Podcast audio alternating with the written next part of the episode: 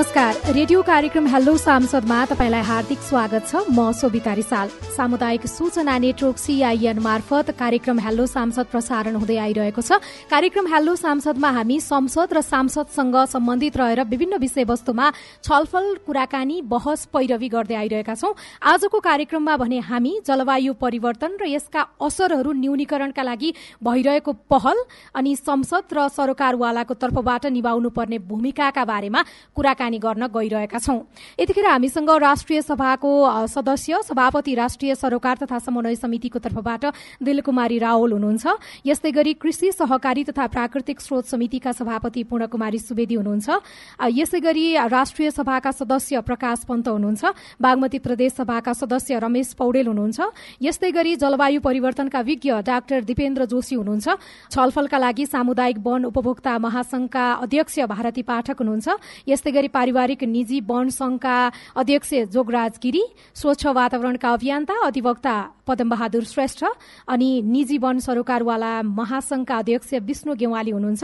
यस्तै गरी गैर सरकारी संस्था महासंघका सचिव गोविन्द बहादुर शाही हुनुहुन्छ र थुप्रै सरोकारवाला व्यक्तिहरू पनि हामीसँग हुनुहुन्छ। यही विषयमा अध्ययन गरिरहनु भएका विद्यार्थीहरू पनि हामीसँग हुनुहुन्छ।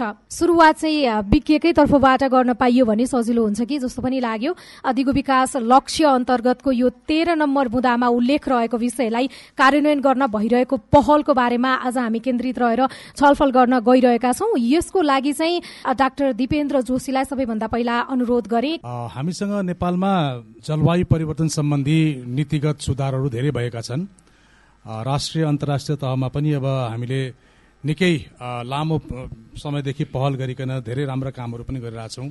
तर कुरा कहाँ आउँछ भन्दाखेरि हाम्रो कार्यान्वयनको पक्षमा चाहिँ हामी पक्कै पनि निकै पछाडि परेको देखिन्छ। किन भन्दाखेरि क्लाइमेट एक्सनको कुरा हामीले गर्दाखेरि हामीले क्लाइमेट एक्सनमा धेरै कुराहरू चाहिँ अब हामी आफै लाइक क्लाइमेट रेजिलियन्ट कसरी बनाउने क्लाइमेट रेजिलियन्स हुनको लागि चाहिँ अब व्यापक सुधारहरू भएका छन्। केही हालका वर्षहरूमा पनि अब राष्ट्रिय जलवायु परिवर्तन नीतिदेखि लिएर नेट जिरो एमिसनमा हामी कसरी जाने भन्ने गत को कन्फरेन्स अफ पार्टीबाट पनि त्यो कुरा भइसकेको छ। नेट जिरो एमिसन हामीले दुई हजार पैँतालिससम्ममा जिरो एमिसनमा जाने भन्ने एउटा प्रतिबद्धता पनि जाहेर गरेका छौँ।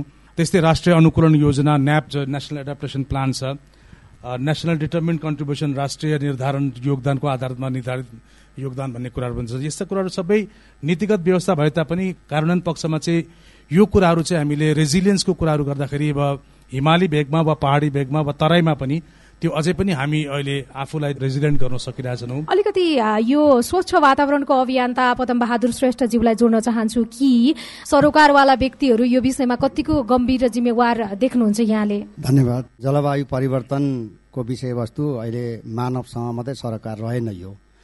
वन्यजन्तु वनस्पति लगायत हामी समग्र यो पृथ्वीमा बस्ने प्राणीसँग सम्बन्धित रहेको छ। मलाई लाग्छ नेपाल सरकार र विश्वको सरकारहरूले पनि त्यसरी नै बुझेको छ जस्तो लाग्छ। तर बुझेर मात्रै हुँदैन कार्यान्वयन गर्नुपर्छ। हामीसँग वातावरण संरक्षण एन दुई हजार त्रिपन्न थियो न्यावाली चौन्न थियो त्यसपछि हाम्रो नीति थियो सडसठी सालमा। ती नीतिहरूको कार्यान्वयन कति भयो भन्ने कुरो मैले एउटा अनुसन्धान गरेँ। तर कार्यान्वयन गर्ने पक्षमा सरकारको जुन कार्यान्वयन बढी हुन्छ त्यो चाहिँ मैले पाइनँ। जस्तै यहाँ के छ भन्दाखेरि जलवायु परिवर्तनको कारणले गर्दाखेरि चाहिँ जति पनि क्षति हुन्छ त्यो प्रत्यक्ष मानवलाई हुन्छ त्यसपछि लिएर वनस्पति र वन्यजन्तुलाई हुन्छ। र वनस्पति र वन्यजन्तुको संरक्षण सरकारले कति गर्यो भन्ने कुरो तपाईँ हामीलाई थाहै छ। कति ठाउँमा जङ्गल काटेर चाहिँ घर बनाउने एयरपोर्ट सिटी बनाउने भन्नेसम्म कुराहरू पनि तपाईँ हामीले सुनेकै हो। र त्यहीबाट पनि हामी अलिअलि थाहा पाइन्छ कार्यान्वयन कति भएको छ भन्ने कुरो। र यो नीति र ऐनको कार्यान्वयन र केही परिवर्तन भएको कुराहरू म छोटकरीमा राख्न चाहन्छु यहाँ माननीयज्यूहरू हुँदाखेरि। मैले सम्मानित सर्वोच्च अदालतमा यही दुईटा कुरा उठाएँ। जुन विषयवस्तु आज राखिएको छ। न्यूनीकरणको विषयवस्तु जलवायु कारणले गर्दा धेरै प्रत्यक्ष रूपमा असर परेको छ। कृषिलाई परेको छ व्यापार व्यवसायमा परेको छ पर्यटकलाई परेको छ वन्यजन्तुलाई परेको छ सबैलाई परेको छ। यो हामीले जानेको कुरा।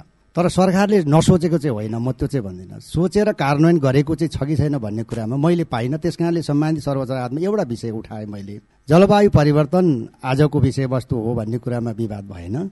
तर हामीसँग चाहिँ जलवायु भन्ने परिभाषा पनि छैन थिएन र कानुन पनि छैन र एउटा नीतिले मात्रै काम गरेको थियो। त्यस कारणले सम्मानित सर्वोच्च अदालतमा मैले चाहिँ इस्यु के उठाएँ भन्दाखेरि जलवायुको कारणले गर्दा जति प्रभाव परेको छ त्यसको क्षतिपूर्तिको पनि व्यवस्था हुनु पर्यो त्यसलाई एड्रेस पनि हुनु पर्यो र त्यसको लागि छुट्टै एउटा कानुन बनाउनु पर्यो जो स्थानीय निकाय र अहिले प्रदेश र सबैलाई त्यसको दायित्व बिहोर्नुपर्छ भन्ने उठाइसकेपछि सम्मानित सर्वोच्च अदालतले यहाँहरूलाई थाहै होला। के दुई हजार पचहत्तर नौ तिस गते एउटा फैसला गर्यो मैले फैसला कपी पनि लिएर आएको छु। यसलाई सम्बोधन गर्नको लागि एउटा छुट्टै कानुन बनाउनुपर्छ जलवायु परिवर्तन कानुन भनेर चाहिँ प्रष्टसँगले परमादेश जारी भएको छ र यो विश्वमा छुट्टै ऐन धेरै ठाउँमा बनाइएको छ। तर नेपाल सरकारले जलवायु यो चाहिँ वातावरण संरक्षण दुई हजार त्रिपन्नलाई संशोधन गरेर परिषद चारमा जलवायु भन्ने टपिस राखियो र त्यो टपिसमा चाहिँ केही पनि छैन। शब्द मात्रै जलवायु छ। सकिने छ गर्न सकिने छ गरिने छ भन्दा अरू गर्नुपर्ने छ भन्ने शब्दै छैन। यहाँलाई धेरै धेरै धन्यवाद। हामी तपाईँसँग फेरि पनि दोस्रो चरणमा फर्किएर आउनेछौँ।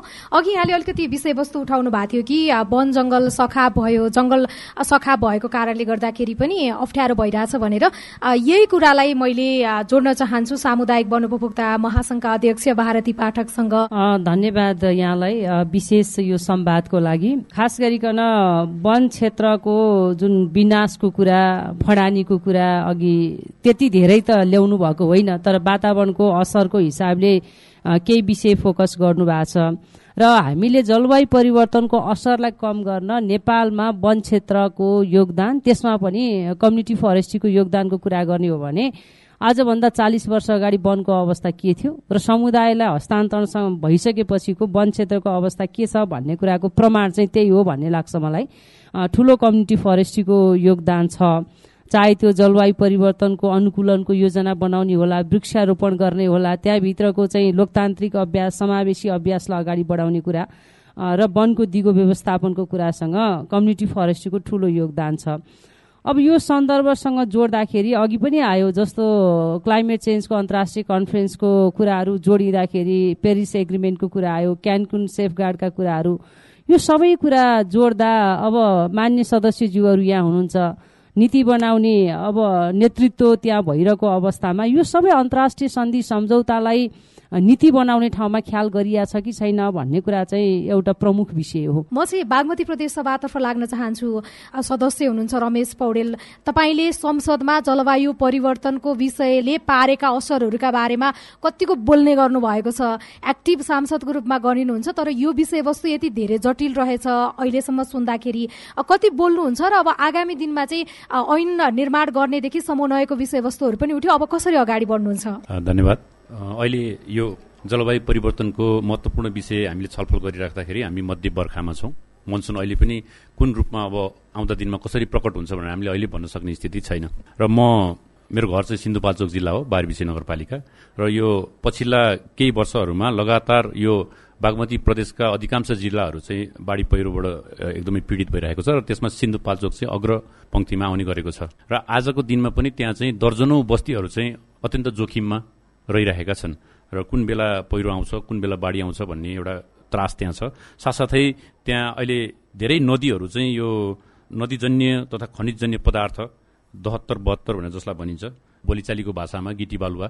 उत्खनन गर्ने क्रममा चाहिँ यो तोकिएका मापदण्डहरू उल्लङ्घन गरेर उत्खनन गरेको कारणले गर्दाखेरि पनि खास गरी नदीको तटीय क्षेत्रमा भएका बस्तीहरू अर्को कारणले जोखिममा छन्। त्यसले गर्दा यी विषयहरू चाहिँ बागमती प्रदेश सभामा समय समयमा हामीले उठाउने गरेका छौँ। र यसरी उठाइराखेको विषयहरू कति सुनाइ भएको छ भन्ने चाहिँ फेरि अर्को डिबेटको विषय हो त्यसलाई हामीले अर्को तरिकाले छलफल गर्नुपर्छ भन्ने लाग्छ। अब लाग्न चाहन्छु राष्ट्रिय सभाको सदस्य प्रकाश पन्ततर्फ माननीयज्यू राष्ट्रिय सभामा अलि धेरै एक्टिभ माननीयज्यूको रूपमा पनि गनिनुहुन्छ र राष्ट्रिय सभा स्थानीय तहका सदस्यहरू मार्फत नै निर्माण हुने भएको कारणले गर्दाखेरि पनि यहाँले कसरी यो विषयलाई उठाउनुहुन्छ? अहिलेसम्म कसरी यो विषय उठेको छ? र अलग्गै कानुन बन्नुपर्ने विषयवस्तु पनि उठ्यो। यसमा यहाँको भूमिका चाहिँ के हुन्छ अब? धन्यवाद सविताजी अब यो धेरै अब बहसमा चाहिँ उठेको विषय तर काम चाहिँ ठ्याक्कै नभएको विषय। यी सबै विषयहरूमा हामीसँग कानुन चाहिँ नभएको चाहिँ होइन। नीति छ कानुन छ अन्तर्राष्ट्रिय दायित्वहरू पनि छ। तर हाम्रो अघि मैले भनेको थिएँ व्यवहार हामीले त्यसलाई एक्सनमा हामीले त्यसलाई तुरन्तै लिने कुरा। अब मैले यति किलोमिटर बाटो बनाएँ भन्नुभन्दा मैले यति एउटा रुख जोगाएँ अथवा यति वातावरणको हिसाबले यति यति काम गर्न सक्यो भनेर यतातिर पनि आफ्नो रिपोर्टिङहरू गर्न नसक्ने हाम्रो सरकार मन्त्रालय अरू सरकार निकायको पनि त्यो खालको समस्याहरू पनि छ। अब यसलाई हामीले अब नेपालमा फेरि अलिकति फरक दृष्टिले नै हेर्नु पर्यो। हामी अन्तर्राष्ट्रिय स्तरमा जलवायु परिवर्तनमा ठुल्ठुला मुलुकहरूले गरेको कुरा हामीले गरेको कुरालाई पनि हामीले छुट्याएर हेर्नु पर्यो। हामी कहाँ कहाँ कमजोरी भयो अरूहरूले कहाँ कहाँ कमजोरी गरे। अनि फेरि हामी नेपालभित्रै हेर्दाखेरि नेपालभित्रै पनि हाम्रो जनप्रतिनिधिहरू हामी विकासी अड्डाहरूले काम गरेको कारणले गर्दा डोजर लगाएको कारणले गर्दा वनमा डढेलो लागेकै कारणले गर्दाखेरि भएको क्षतिहरू हामी कहाँ भुइँचालो पनि आयो अरू थुप्रै कुराहरूले हामी कहाँ रोडका साइडहरू भत्किरहेको छ यी सबैलाई जलवायु परिवर्तनकै कारणले चाहिँ भएको कुराहरू के के हो? के के विनाश भयो? हाम्रा गतिविधिहरूले के के विनाश भयो भन्ने कुरा हामीले छुट्याएर हेर्नु पर्यो। विषयलाई छुट्याएर अलग अलग तरिकाले हेर्ने र आवश्यकता अनुसार कानून बनाउनु पर्ने भन्ने आवश्यकता त महसुस भयो यहाँले पनि स्वीकार गर्नुभयो। त्यसको लागि चाहिँ यहाँले अब के पहल गर्नुहुन्छ त? हजुरले भने जस्तै गरेर अब यो हामी कहाँ कानुनकै अभावले सरकारलाई काम गर्न त रोक्दैन। हामी अध्यादेशदेखि अरू थुप्रै तरिकाले सरकारले चाह्यो भने छिटो छिटो काम गर्न पनि सक्छ। सरकारलाई खालि संसदले कानुन नबनाइदिएर भन्ने पनि छैन। र यस्ता जरुरी विषयका चाहिँ ऐनहरू हामी दुई दिनमै एक हप्तामै पनि हामी पास गरिदिन सक्छौँ। हामी सहमति गरेर सल्लाह गरेर त्यो हामी राष्ट्र सभाले त हकको भूमिका पनि निर्वाह गरेको छ। खालि यसमा हाम्रो व्यवहार सरकारको दृष्टिकोण सरकारको व्यवहार उसलाई छिटो विकास होइन दिगो विकास चाहियो भन्ने कुरामा हामी सबै सरकारवालाहरू हामी जानु पर्यो। अब लाग्न चाहन्छु राष्ट्रिय सरोकार तथा समन्वय समितिको सभापति दिलकुमारी रावल पार्वतीतर्फ। राष्ट्रिय सरोकारका थुप्रै विषयहरू मध्ये एउटा जलवायु परिवर्तनको असरको विषय पनि हो र त्यसबाट जति पनि नेपालीहरूले क्षति सहनु परेको छ यो कल्पना नै गर्न नसकिने किसिमको क्षति पो आउँछ। आउँछ कि भोलि पर्सि भविष्यमा समयमा नै सचेत भइएन भने भन्ने विषय पनि सरकारवाला व्यक्तिहरूले उठाइसक्नु भएको अवस्थामा अब यहाँले संसदबाट खेल्ने भूमिका चाहिँ के हुन्छ? मुख्य कुरा त जलवायु परिवर्तनले सिङ्गो जीवन र जगतलाई प्रभाव पार्ने कुरा हो। यो सन्दर्भमा अहिले नेपाल र नेपाल बाहिर विश्वमा नै यो विषय उठिरहेको छ र अघि विज्ञज्यूहरूले पनि भन्नुभएको छ यो परिवर्तनको असर हाम्रो देशकै कारणले भएको छ कि संसारका समृद्ध अथवा आणविक चाहिँ ऊर्जा गर्ने मुलुकहरूबाट भइरहेको छ यो हामी सबैले बुझेको कुरा। अब जहाँसम्म सांसद र समितिको सभापतिको हिसाबले सांसद भन्ने बित्तिकै हामी नीति निर्माता कानून बनाउने ठाउँमा छौँ। एउटा त हाम्रो एउटा सांसदको हिसाबले हामीले संसदभित्र यी विषय जलवायु परिवर्तनका सम्बन्धमा यसले पारेका असर जीवन र जगतलाई पारेका विषयमा हामीले उठाउने विषय हुन्छ।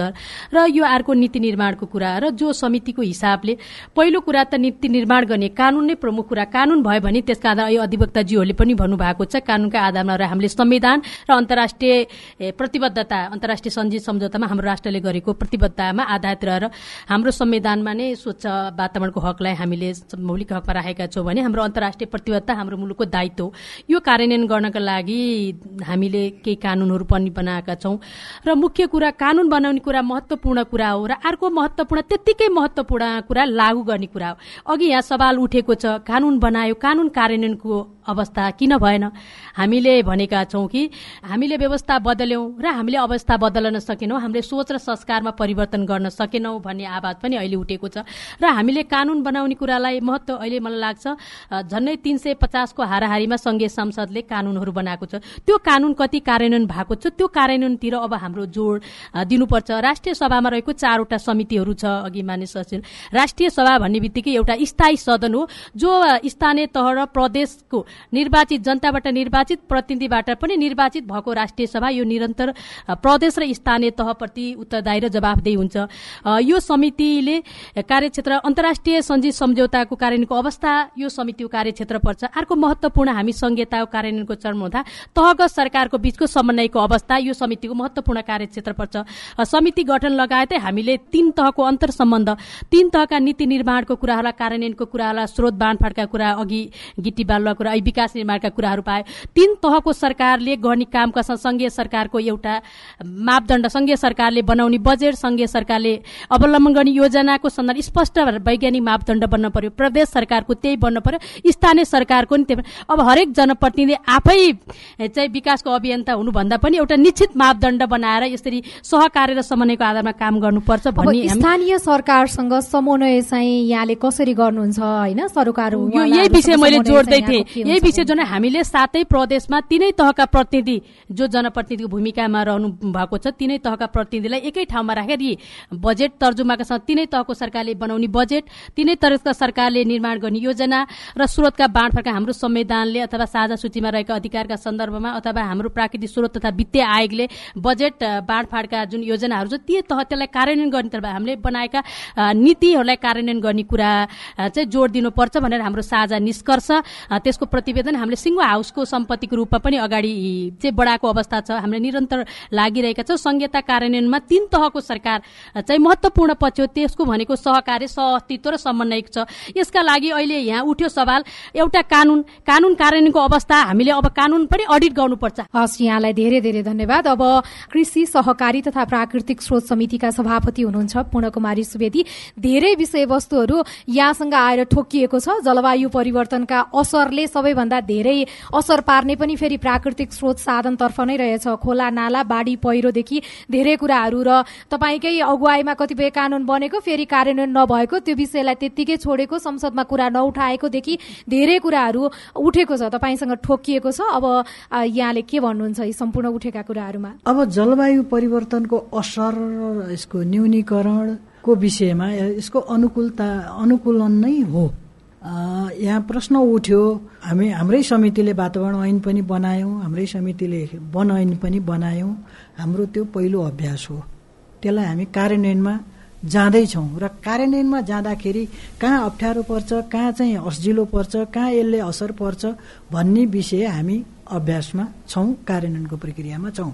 हुन त हामी संविधान पनि यत्रो परिवर्तन पछाडि बनेको संविधान पनि हामीले गतिशील दस्तावेजको रूपमा हेरेका छौँ र यसलाई आवश्यकतामा हामी पुनः संशोधन गरेर कानुनहरू पनि संशोधन गरेर जान सक्छौँ र संविधान पनि यो गतिशील दस्तावेज हो भनेर हामीले भनेका छौँ। र हामीले हाम्रै मौलिकतामा हाम्रो संविधान लेखेका छौँ र हाम्रै मौलिकतामा हाम्रो नेपाली माटो नेपाली जीवन नेपाली संस्कृति नेपाली भूगोल हाम्रो हिमाल पहाड तराई हाम्रो संस्कार संस्कृति अनुसार नै हाम्रो यहाँको राष्ट्रियता हाम्रो स्वतन्त्र सार्वभौम राष्ट्रको हकितको निम्ति हामीले कानुन बनाएका छौँ र यो कार्यान्वयन गर्ने प्रक्रियामा छौँ। यो कार्यान्वयन गर्ने प्रक्रियामा देखिएका समस्या हामीले विगतको पनि हेर्नुपर्ने हुन्छ र हामीले वर्तमान पनि हेर्नुपर्ने हुन्छ र हामीले भोलि भविष्यका लागि अझ बढी महत्त्वपूर्ण सोच विचारका साथ हामीले कानुनहरू बनाउनु पर्ने हुन्छ। र हामीले भनेको सुन्थ्यौँ हामी बचपनमा हुँदाखेरि रातभरि पानी पर्छ दिनभरि घाम लाग्छ खेत रोपाइ हुन्छ भनेको सुन्थ्यौँ हाम्रा बुवा आमाहरूले। र बिचमा के भयो भने वन जङ्गल मासियो फाँडियो डाँडाहरू अब माटो देखिने भए खुइला डाँडा भए। त्यसपछि हाम्रो यो सामुदायिक वन संरक्षण उपभोक्ता महासङ्घ अथवा हामी यो वन जङ्गल जोगाउने संरक्षण गर्ने दिशामा गयौँ। त्यसपछि हाम्रा विगतका समस्याहरू जस्तै हिजो पानीका मुहान सुकेका थिए गाउँ बस्ती नै सार्नुपर्ने अवस्थामा पुगेको बेलामा हरियो वन भइसकेपछि र ती डाँडाहरूमा हरियाली छाइसकेपछि पुनः पानीका मुहानहरू फुटेको अथवा त्यहाँबाट पानी आएको। त्यसले सबै जीव जन्तु चर भनौँ न चर अचर सबै चाहिँ प्राणीहरूलाई एउटा चाहिँ स्वच्छता एउटा वातावरणीय स्वच्छताको महसुस भएको पनि हामीले महसुस गऱ्यौँ।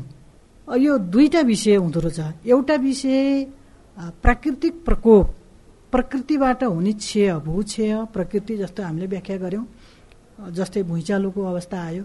अब भूक्षय अब अर्को कुरो प्रकृतिले पारेको असर एउटा र त्यसलाई फेरि मानवीय मानवले पारेको असर अथवा क्षति अर्को।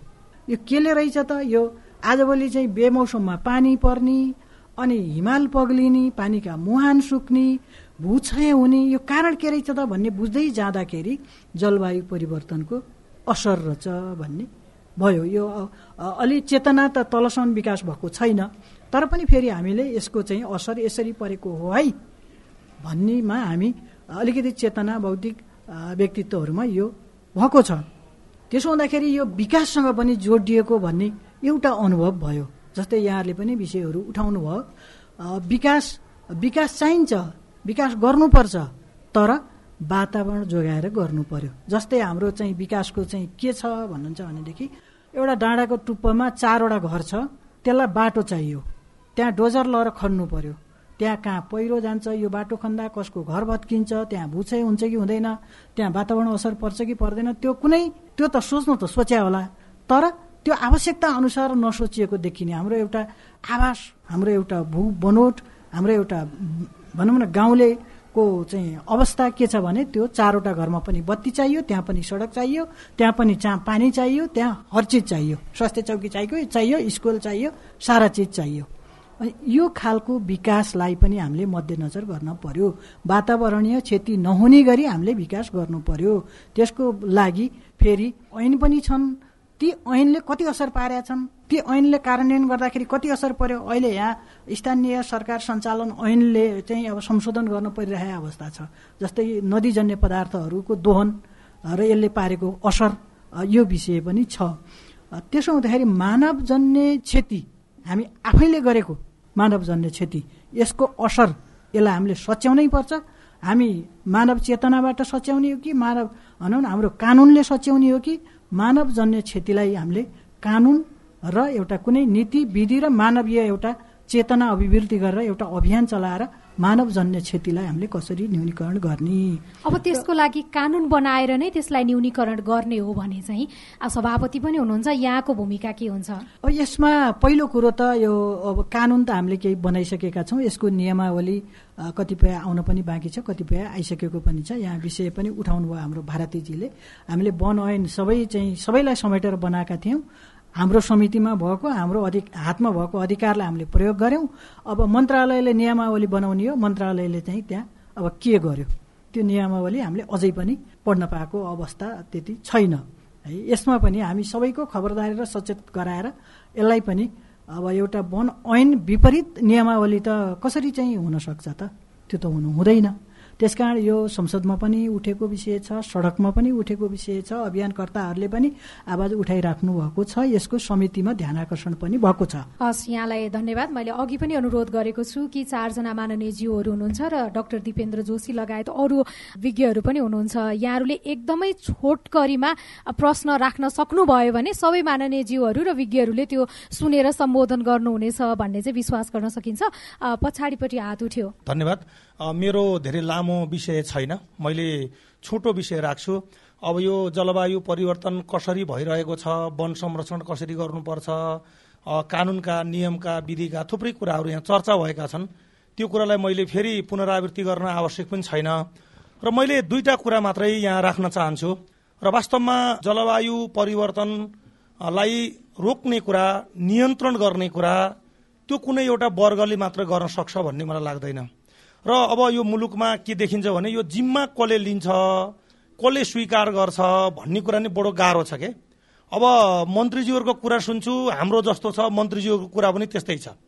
मान्यज्यूहरूको कुरा सुन्छु हामी सिभिल सोसाइटीका मान्छेले जसरी कुरा गर्छौँ मान्यज्यूहरूको पनि कुरा त्यस्तै छ। अब हामी कसैले न कसैले कहीँ न कहीँ जिम्मा लिनु पर्यो क्या होइन हामी सबैको जिम्मेवारी छ कि? अब यहाँ अलिक कुरो सुन्दाखेरि सबै जे जे गरेको बिगारेको हो भन्ने त्यो सरकारले नै गरेको हो। भन्ने कोणबाट कुरा आएको छ? किनभने सरकारको प्रतिनिधित्व त यहाँ छैन संसदको प्रतिनिधित्व छ होइन? त्यस कारणले हामीले जिम्मा लिनु पर्यो। सिभिल सोसाइटीको पनि जिम्मा छ। त्यो जिम्मा हाम्रो भागमा कति आउँछ त्यो हामीले पनि लिनु पर्यो। मान्य सांसदजीहरूको जिम्मा कति हो उहाँहरूले पनि लिनु पर्यो सरकारले पनि लिनु पर्यो। अब यो जिम्मा लिने कुरा सुरु गरिएन भने हाम्रो देश यो जलवायु परिवर्तनका लागि मात्र होइन अरू कुरामा पनि बन्दैन। यो जिम्माले अन्त तर्काइदिने क्या फलानाले गरेन फलानाले भएन। तपाईँ स्थानीय तहमा जानुभयो भने परदेशले गरेन भन्छ। परदेशमा जानु सङ्घले भन्छ सङ्घले परदेशले भन्छ। यस्तो छ क्या जिम्मा कसैले कहीँ नलिने स्थिति छ? त्यस कारणले यसमा हामी सबैले जिम्मा लिनुपर्छ भन्ने मलाई लाग्छ। हजुर नमस्ते। म चाहिँ अभिमन्यु बुढाथोकी नेपाल माउन्टेन एकाडेमीबाट है घर चाहिँ रामेछाप अनि मैले चाहिँ यो प्रोग्राममा बस्यो होइन। यत्रो बेर बस्यो तर हाम्रो रिजल्ट चाहिँ कन्क्लुजन चाहिँ के पुग्यो भन्दाखेरि सबको फ्रस्ट्रेसन मात्र पुग्ने होइन। अनि लास्टमा रिजल्ट चाहिँ केही पनि छैन होइन। त्यो भएर बरु सल्युसनहरू केही छ भने त्यो चाहिँ भनौँ न भनेर देखिने गरी एउटा विकास गर्नुपर्ने। त्यसको लागि चाहिँ यो क्लाइमेट चेन्जले चाहिँ सधैँ नेगेटिभ इम्प्याक्ट मात्र पारेको छैन पोजिटिभ इम्प्याक्ट पनि छ होइन? ती पोजिटिभ इम्प्याक्टहरूलाई स्टडी गरौँ होइन? अहिले जति पनि यहाँ कुराहरू उठ्यो यहाँ सांसदज्यूहरू हुनुहुन्छ मान्यज्यूहरू प्रदेशको पनि वास्तवमा यो विषयवस्तु सबै हामीले भोगेको कुराहरू।